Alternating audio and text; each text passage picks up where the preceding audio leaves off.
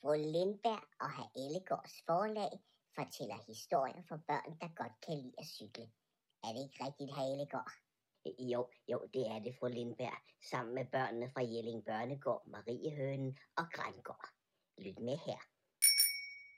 Det store løb, kapitel 8. Det høje bjerg. Det blev en lang køretur ned gennem Europa, og først tre dage senere nåede lastbilen frem til en lille by for foden af et højt bjerg i det store Frankrig. Heldigvis blev ingen af bamserne spist af løverne, selvom det var tæt på, da herr Olsen en nat kom til at gå i søvne og gik lige forbi buret, hvor en af løverne sad. Heldigvis var løvens pote og klo lige nøjagtigt for kort til at fange herr Olsen, der bare gik videre uden at opdage noget. Det gjorde de andre dog, og, og som dr. Clara sagde, efter at de havde åndet lettet op. Nogle gange har man bare lov at være heldig som bamse. Og nogle gange har man endda lov at være meget heldig som bamse. Den lille by, de ankom til, var der, hvor cirkuset kom fra, og om aftenen skulle de spille en forestilling i anledning af, at det store løb kom til byen. Faktisk var hele byen ved at gøre klar til løbet, der skulle starte næste morgen. Cirkuset skulle stilles op på en lille plads, ikke ret langt fra startlinjen.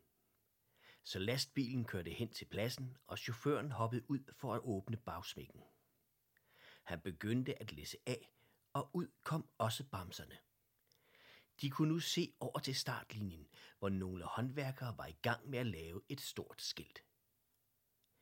Det er der, vi skal over, viskede fru Lindberg til de andre. Men hvordan kommer vi væk fra cirkuset, spurgte frøken Hørup. Den store Tatis assistent holder hele tiden øje med os, som om vi skulle finde på at stikke af. Det er lige det, vi gør, svarede fru Lindberg. Men vi må nok vente med at stikke af til under aftens forestilling. Hvordan gør vi, spurgte frøken Hørup. Jeg ved det ikke, svarede fru Lindberg, så vi skal have fundet på en idé. Det kan være, at jeg kan være behjælpelig med en idé, lød det pludselig fra en stemme ved siden af buret. Det var klovne bamsen Theo fra Toulouse, der havde cyklet på et hjulet cykel lige inden den store tati. Bamserne kiggede overrasket på Theo fra Toulouse.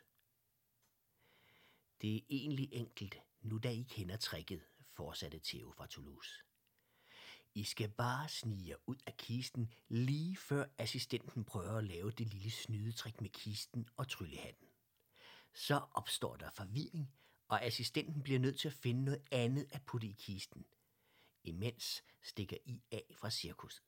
Det var sådan kaninerne gjorde. Fru Lindberg nikkede.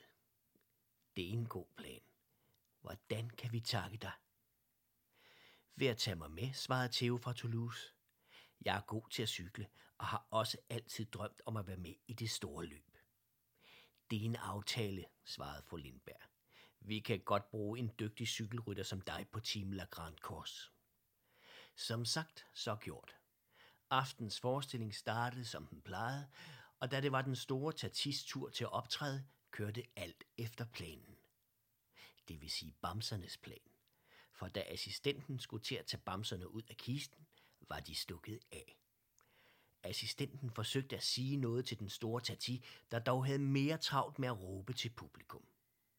Nøjagtigt som Theo fra Toulouse havde spået, greb assistenten nu det nærmeste, han kunne finde, og stoppede det ned i den høje hat. Det viste sig at være et krammerhus popcorn.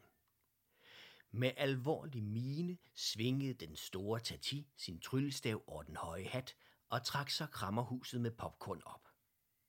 Først grinede publikum højt, og så begyndte de ellers at bue af den store Tati. Mon Dieu, udbrød han vredt og begyndte at skælde ud på både publikum og assistenten. Imens publikum buede og den store Tati skældte ud, sne bamserne sig ud af cirkuset sammen med Theo fra Toulouse og fandt et lille sted, hvor de kunne gemme sig og vente til, at løbet skulle starte næste morgen. Næste morgen stod de tidligt op for at gøre sig klar til dagens løb. Det er en bjergetappe, så vi skal bruge alt det, vi har lært om at køre op ad bakke, forklarede fru Lindberg de andre bamser, der alle nikkede. Kun Dr. Clara undrede sig og kunne ikke dyse for at spørge. Fru Lindberg, skal man egentlig ikke være med fra starten af løbet for at være med? Ah, må ikke vi kan få lov at være med, når bare vi fortæller, hvad der er sket, svarede fru Lindberg. Kom, lad os gå over til startlinjen, så er der nok nogen, der kan hjælpe. Ved startlinjen stod to mænd i uniformer og dirigerede rundt med alle cykelholdene. Den ene af dem blev meget forbavset, da han opdagede bamserne. Øh, hov, hov, hvad laver de bamser her? Øh, det ved jeg ikke, svarede den anden mand. Øh, må ikke de skal være med i turkaravanen?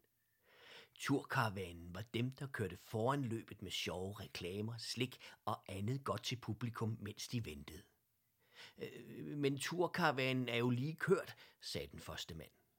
Så er det bare med at sende dem afsted i en fart, så vi ikke får ballade. Og så dirigerede de bamserne helt frem til startlinjen og sendte dem hurtigt afsted med et allé. Det er fransk og betyder afsted.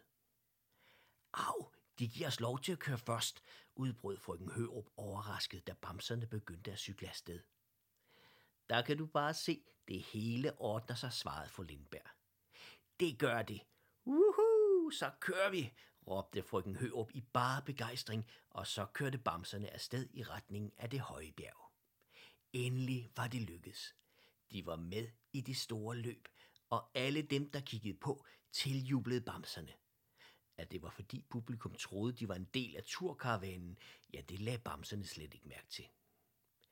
Da de nåede hen til bjerget, begyndte det at blive lidt hårdt for de små bamser. Men både publikum og de andre i turkaravanen nærmest bar bamserne op ad bjerget. Faktisk blev de undervejs samlet op af en bil fyldt med franske oste, der var på vej op. Og selvom det lugtede lidt i bilen, ja, så var det nu rart med hjælpen.